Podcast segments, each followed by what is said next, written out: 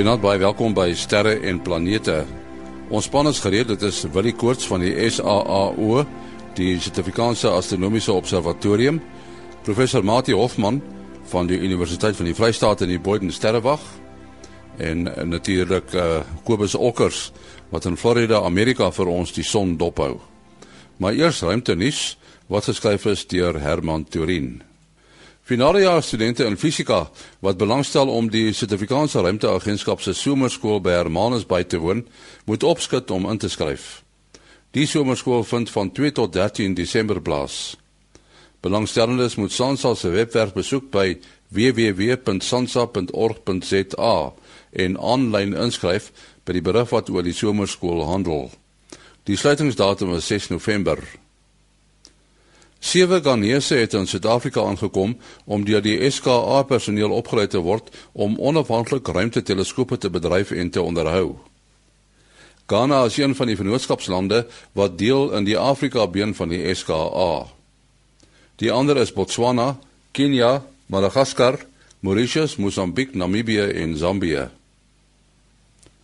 Wetenskaplikes het bereken hoe vinnig 'n ruimteskip moet reis om aan die gekombineerde swaartekrag van die Melkweg, ons eie galaksie, te kan ontsnap. Dit is 537 km per sekonde.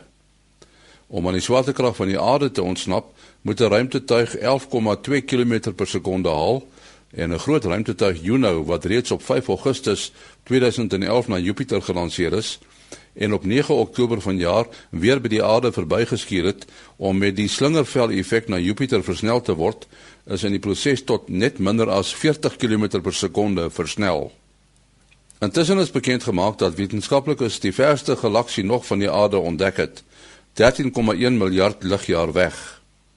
Die galaksie is besig om die molekulêre waterstof tussen galaksie weg te brand. Die mistigheid was in die begin so dig dat lig vir 170 miljoen jaar nie van een galaksie na 'n ander kon trek nie. En die periode het as die kosmiese donker tyd bekend gestaan.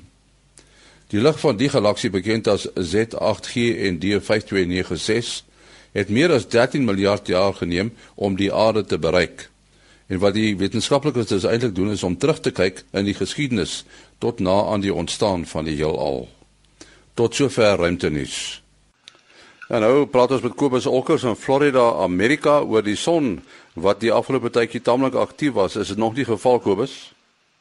O ja, goeienaand uh, en nie goeienaand ry luisteraars. Ehm um, dit is die son soos ons so so 'n paar weke gelede voorspel het is is weer in 'n baie aktiewe uh, fase. Dit is natuurlik wat wat baie interessant is is dit is net in die suidelike halfrond van die son. Die noordelike halfrond is baie stil. Daar is 'n paar aktiewe areas daar, maar hulle is um, baie baie effentjies.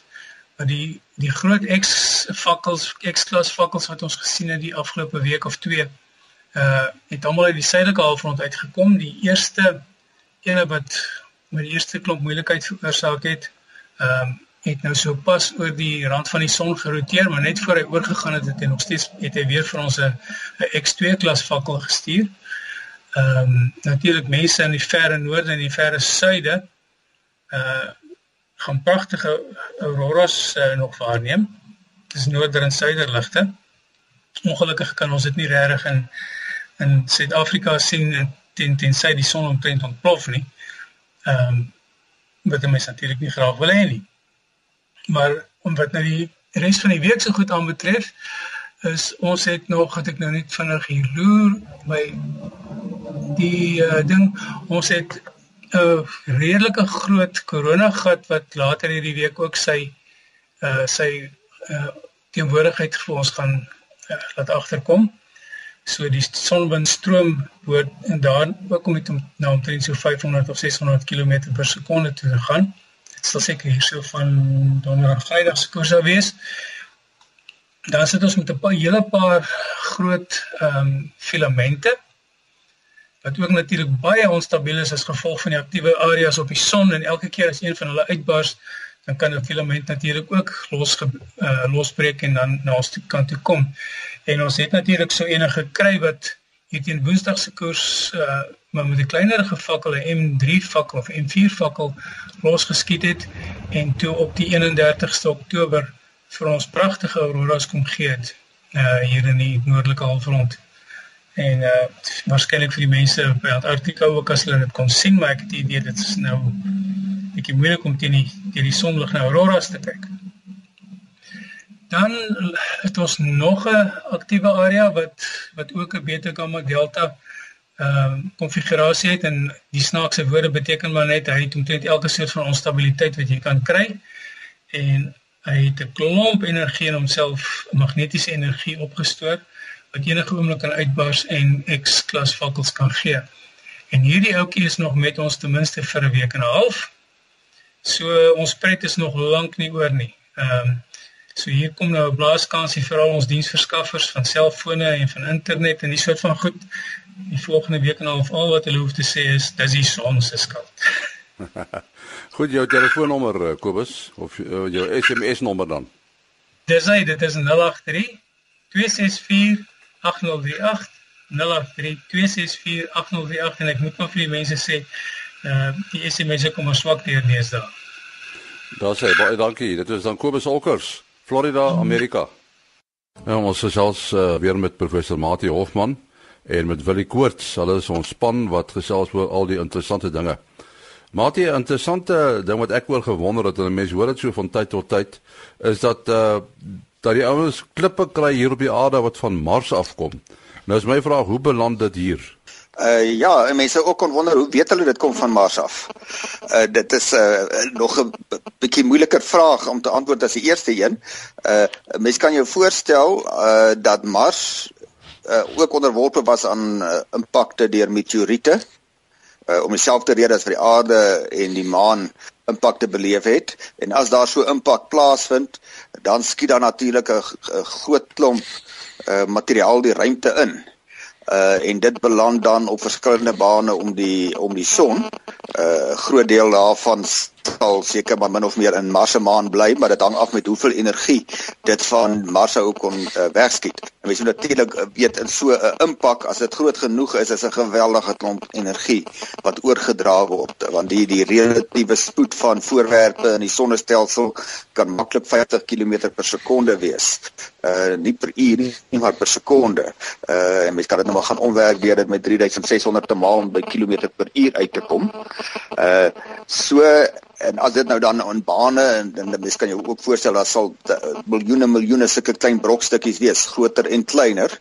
En uh die bane van daardie voorwerpe kan met die aarde se baan kruis en dan kan dit soos gewone dit kan eers by wyse van 'n meteoor uh soos 'n verskietende ster uh, wat ons nou die daarmee uh, groot geword het, kan dit die aarde se atmosfeer binnendring en dan as dit oorleef tot op die oppervlak van die aarde, dan sit 'n meteoriet En dan is die probleem nou om te bepaal wat die oorsprong van daardie meteoriet is.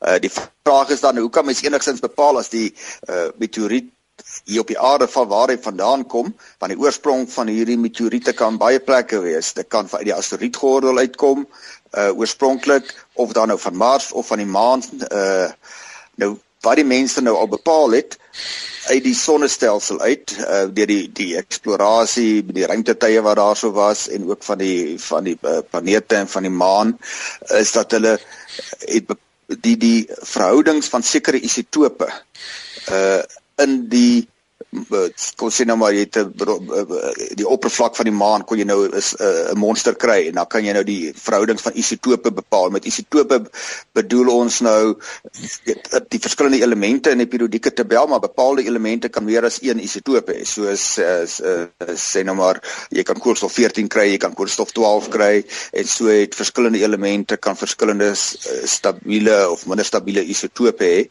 En deur te gaan kyk na die verhouding van die isotope dan het 'n baie sterk verwantskap met die afstand vanaf die son. So alles op die afstand van sê nou maar Mars vanaf die son gaan die 'n soortgelyke isotoopverhouding hê en alles wat uh in die asteroïdegordel lê, gaan nou weer 'n ander isotoopverhouding hê. So as jy nou 'n klip dan hier op die aarde optel en jy kan eerstens bepaal dat dit 'n meteoriet is en jy kan tweedens gaan bepaal wat is die verhoudings van die isotope, dan kan jy dit gaan in verband bring met 'n bepaalde afstand vanaf die son uh en dit is dan uh, hoe mense sou kon bepaal dat iets uh, die, uh se oorsprong heel waarskynlik by Mars of in Mars se baan is. Ek kan miskien net genoem interessant ek het nou gekyk op Wikipedia uh van die 61000 meteoriete wat uh, sover gevind het op die aarde is omtrent 120 uh, uh van Mars in oorsprong. So dis net 'n interessante getal wat ek hier opgelet het. Ja, dis so 'n baie klein persentasie. Uh wat uh, mense dan is ook 'n vraag uh, uh, van die res seker maar die meeste dan uit die asteroïde gordel of sê hulle nie daarso wat die oorsprong van hulle oor die algemeen is nie. Ja, hulle hulle sê hierso van van die impakte van asteroïdes of uh, uh of komete nogal uh, wat op die aarde geland het. Nou ja, komeetmateriaal sover ek weet is gewoonlik baie broos, maar 'n mens neem aan daar is ook halfkernmateriaal wat uh, seker so impak na die deur die atmosfeer kan kan oorleef. Ja, dis nou 'n interessante ding. Jy weet jy praat nou van 'n komeet. Ons sê almal 'n 'n komeet se kern is maar 'n ysbol, 'n vuil ysbol. En as so 'n komeet nou die aarde se atmosfeer binnekom, behoort hy mos heeltemal te smelt. Maar daar's daarom daar is daarom soliede materiaal ook. So dit is so 'n uh, baie vuil uh, sneeubal. So soliede materiaal wat dan deur ys aan mekaar gehou word. Nou die ander vraag wil jy wat ek nogal dikwels kry is uh, hoekom is dit so dat ons kry in ons sonnestelsel met sy 8 planete. Die eerste klompie is nou sogenaamde rotsagtige planete. En dan kry jy mens die asteroïde gordel en dan kry jy mens die gasplanete. Wat het gebeur dat daai nou gasplanete is en die wat voor dit is rotsagtige planete? Ja, dis interessant ons voor ons exo, exoplanete begin ontdek het om onder sterre uh was dit ons model want ons kyk net na ons eie sonnestelsel is die enigste voorbeeld wat ons gehad het om na te kyk. En uh, dan kry jy tipies dat die die helde ag die die swaarder rotsagtige planete en kleiner ook is is dan in die binnekant naby die son en dan het jy die die gasballe verder uit. En en uh, dit is dan ook hoe ons uh, ons modelle van hoe uh, planete ontstaan uh, ontwikkel het. Uh, ons kan mooi daaraan dink dat uh, wat as ons ook natuurlik kyk na 'n model van die sonnestelsel sal ons sien dat die binneplanete, ek praat nou van Mercurius, Venus, Aarde, Mars, die klein rotsagtige planete is eintlik ongelooflik baie na aan die son en die uh, ou gasballe in die groot uh, reuse planete verder uit lê baie verder van die son of baie verder uit mekaar uit ook. So dit is amper asof die gasse hier in die middel nie kon oorleef nie 'n soort van afgedamp het as gevolg van die uh, die son uh, se hitte eerstens en ook die sonwind uh, wat die partikels is wat die wat die son natuurlik uitstraal en en dat uh, verder uh, uh, weg van die son af waar die groot uh, gasplanete is is baie kouer. Ek bedoel ons praat nou al van minus baie grade hierso, uh, baie koud en en dan uh, is dit makliker vir die planete om om die gasomhulsel of die gasballe om om dan te ontstaan. Uh um die, die mense dink ook dink dat die die die uh sover ons verstaan hoe die sonnestelsel ontstaan het, het uh, jy natuurlik als met 'n nevel begin, so dit was maar gas reg in die begin gewees en uh um so dan is daar ook so uh, swaarder uh elemente wat uh, gevorm is deur vorige supernova uh, ontploffings ensovoorts en en dit is uh, waar ons ons swaarder uh, elemente vandaan kry wat ons dan nou vandag uh, kry. Maar uh, interessant in die laaste tyd natuurlik toe eksoplanete nou begin ontdek word toe kom hulle agter maar hier is planete wat 4 5 10 mal Jupiter se grootte is baie baie nader aan aan sy son as wat ons aan die son is. So uh, uh, skielik uh, dit is moontlik vir so 'n gasbal om so na aan 'n planeet te ontstaan en te bestaan. En um, so dit het eintlik die hele model van hoe ons ons gedink het planeetstelsels ontstaan op sy kop gedraai. En uh, wat ons dan ook be besef en al hoe meer begin besef is dat baie van die planete het hulle bane verskuif sodat ehm um, die planete wat oorspronklik nader was aan die aan die son het ehm um, met goed wat naby mekaar gekom het hulle ehm uh, binêre aksie wat ons sê wat wat uh, twee planete naby mekaar kom uh, het die een uitgegooi en verder uit en in selfs die uh, planeet wat dit kon veroorsaak het is kon moontlik heeltemal uit die sonnestelsel uit uh, um, uitgegooi gewees het dat dit op die oomblik besig is om te trek een nêrens in die, in die ruimte en uh sulke planete sulke uh uh um, swerwende planete is is ook al reeds opgetel veral met die mikrolens uh, tegniek wat hulle ook hier van Sutherland af. En op die oomblik is dit uh eintlik ons is alweer in die in die mik mikrolens uh seisoen hier in Sutherland wat, uh, wat elke jaar uh, wanneer die middelpunt van die Melkweg so dit is nou die uh, Sagittarius area wanneer dit uh, sigbaar is wat nou wat nou besig is om tot 'n einde te kom uh, dan dan word dit nou so uh, uh, waargeneem. Maar dit die uh, interessante ding die dit gaan nou oor die ouderdom van die aarde 4,54 biljoen jaar word gesê en dit is dieselfde ouderdom as die son. Hoekom is dit? Uh en nie Ja, mens uh, sal weer eens kan vra hoe weet hulle uh, dat dit daai ouderdom het? Maar eerstens uh, jou vraag om dit so naas moontlik te beantwoord.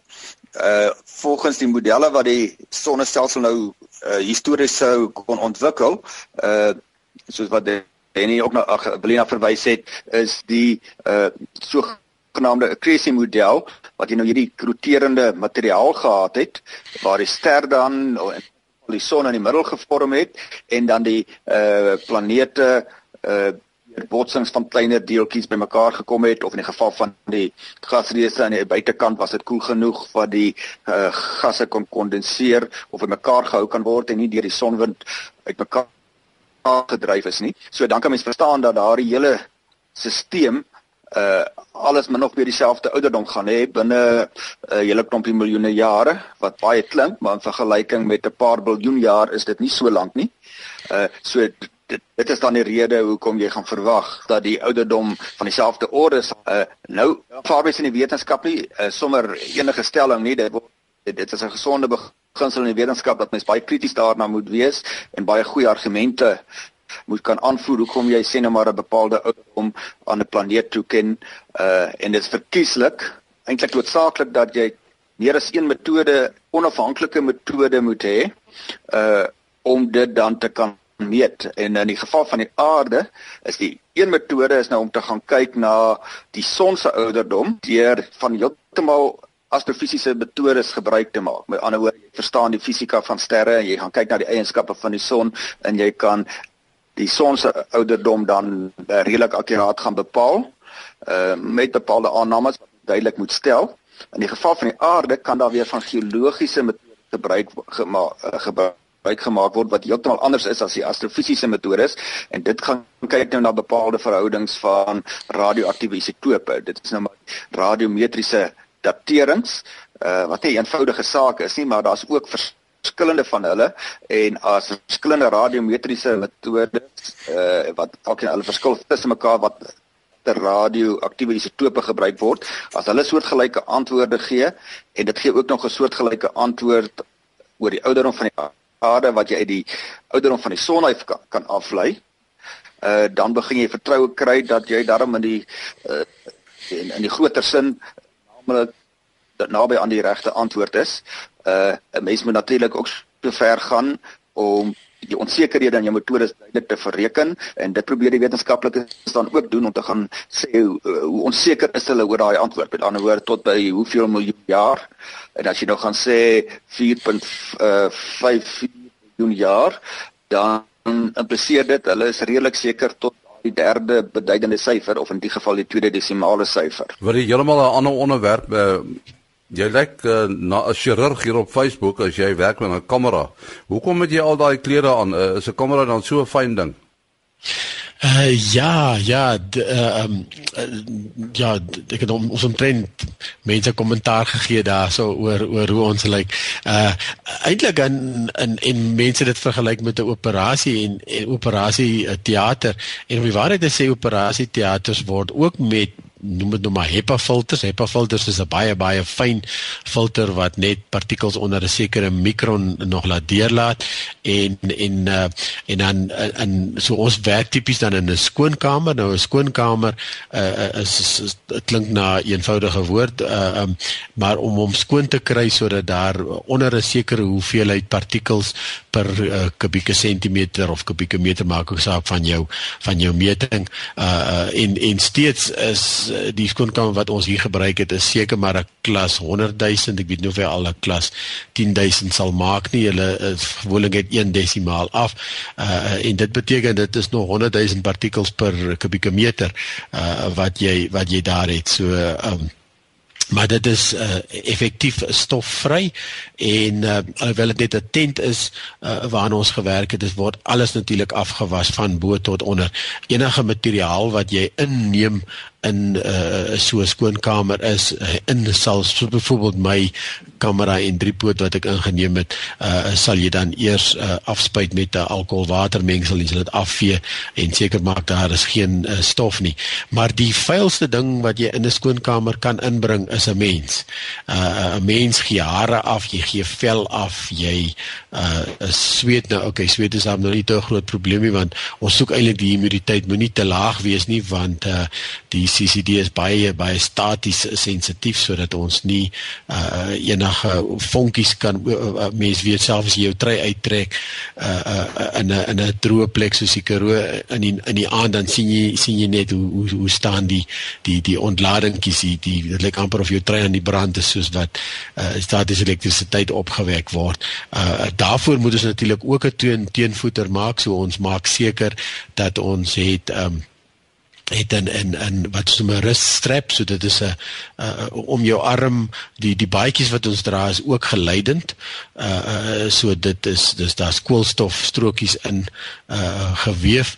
En en dan maak jy seker dat jy 100% geaard is en by dieselfde voltage is by dieselfde spanning hoe 'n uh, uh, uh, potensiaal potensiaal verskil dan nou as uh, die kamera waaraan jy gaan werk sodat daar geen geen vonkies kan spring nie. Ja, so dis 'n hele 'n hele effektief en 'n hele 'n hele storie uh, om eintlik die vuilste goed wat in so 'n kamer in gaan en dit is die mens om om om om die hoeveelheid uh, partikels wat ons genereer uh, te, te verminder.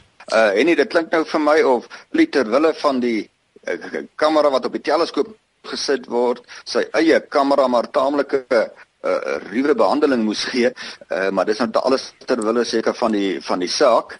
Ek probeer my nou ook voorstel as wil homself wil aard of uh, hy nou van hierdie krokodilbek koneksies aan sy oor vas uh, klam en dit gaan by 'n uh, goeie aardkonneksie. ja, oor oor. ja, uh jy praat nou van 'n CCD sensor. Die CCD sensor is 'n ou tipe sensor wat wat nogal redelik warm word en uh jy weet in die kamera wêreld baie krag gebruik. Uh hoekom het hulle nog nie CMOS sensors nie? Uh, ja, toevallig het my videokamera 'n CMOS sensor in waarmee ek die CCD afgeneem het en uh, toe het ek nogal gevra ek wonder of dit toelaatbaar. Toe sê hulle nee, geen probleem want CMOS is besig om om op te ramp of op, op beter en beter te word sodat dit uiteindelik by by die by, by die kwaliteit van CCD's kan inkom. En dit is uh, ek kan bykom en dit is eintlik deels die antwoord. Uh CCD soos jy sê is 'n ouer tipe sensor, is 'n ander effens ander tegnologie. Uh Ehm um, en en jy het ja, jy het klomp verskillende voltages nodig en 'n uh, uh, bietjie lomp uh um in in ons wêreld is ons nie so vreeslik gepla oor die uh, hitte wat ontwikkel nie want ons koel dit natuurlik af en dit is 'n uh, deel van die rede hoekom ons so skoon werk uh is ook omdat ons hoë vakuum tegnologie gebruik waar um dan enige veiligheid ons vat byvoorbeeld dan niks met jou kaal hande nie alles word met handskoene gehanteer en so voort want jou jou vel gee mos nou maar uh, olies en en en sure en allerlei snaakse goeters af wat uh, dan kontaminasie veroorsaak. So Uh, waar jou CMOS is, is 'n nuwer tegnologie soos jy sê, maar jou CMOS is nog nie heeltemal by die kwaliteit wat 'n CCD vir jou gee nie. CCD is eintlik toevallig in sterrekunde uh, verbeter en uh, uh, tegnologie is is gedruk en gedruk totdat jy amper 'n volmaakte sensor het. Uh so daar is nog 'n hele klompie goed wat CCD nog af wat uh, CMOS nog nie nog nie bykom nie. CMOS is natuurlik baie goedkoop en die rede daarvoor is is dit is dieselfde tegnologie wat jy gebruik om jou uh, rekenaar geheue te maak of uh, rekenaar skyfies te maak of uh, enige uh, ding wat jou motor se enjin beheer ensovoorts. Uh, dit is gewone gewone uh, silikon tegnologie uh, wat net op een uh, kragbron, een op op een voltage werk, gewoonlik 3.3 volt. En uh, dit het natuurlik baie beperkings dan. En dit is ook hoekom dit so moeilik is om om om CMOS te kry by die standaard wat wat wat CCD uh, eh, vir daag gestel het, maar CCD is jy nie beperk met hoeveel uh, voltage kan jy gebruik, hoeveel verskillende tipe power supplies jy nodig het ensovoorts nie. Ja, so dit is dit is twee kompeterende tegnologie, maar die CMOS tegnologie is nogal vinnig besig om veld te wen uh, uh om om uiteindelik hopelik uh, te kom dat ons kan wetenskapkameras kan bou met CMOS sensors. Ja, Mati, uh, hierdie naweek was vir julle 'n uh, rooi letter naweek, nê, nee, met die ingebruikneming van die digitale planetarium. En nee, dit was groot opgewondenheid en ook natuurlik harde werk om alles gereed te gekry het vir die vir die eerste program van ons openingsweek, uh Vrydag.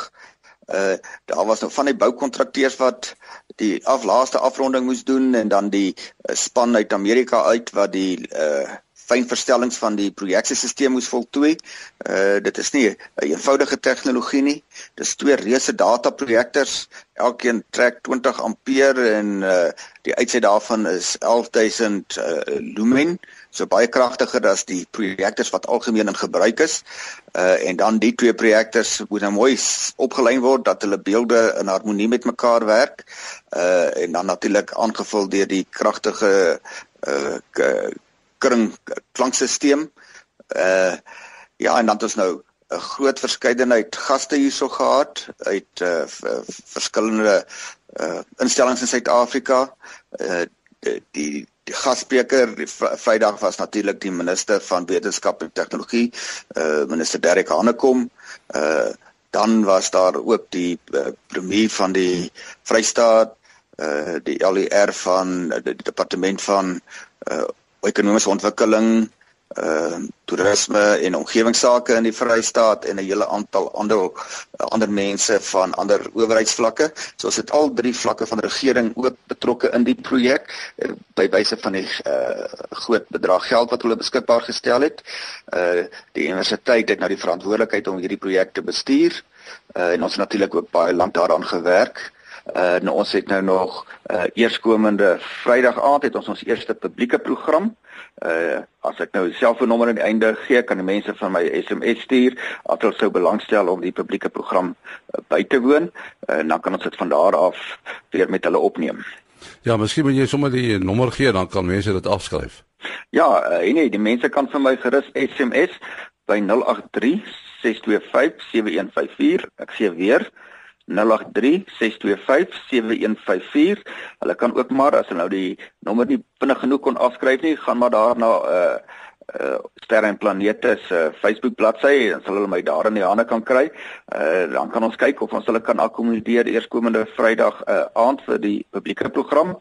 En uh, dan moet ons nou al ons sisteme in die res van die jaar uh, mooi glad kry en van volgende jaar af gaan ons nou ten volle operasioneel wees. Die jaar is nou nog uh, eksperimenteel en baie opleiding, maar ons gaan wel 'n paar geleenthede vir die publiek gee om na vertonings te kom kyk. Goed, julle het uh, Matie se telefoonnommer, sy kontakbesonderhede en my kontakbesonderhede is maas.henny@gmail.com, maas.henny@gmail.com. Tot 'n volgende keer, mooi dop.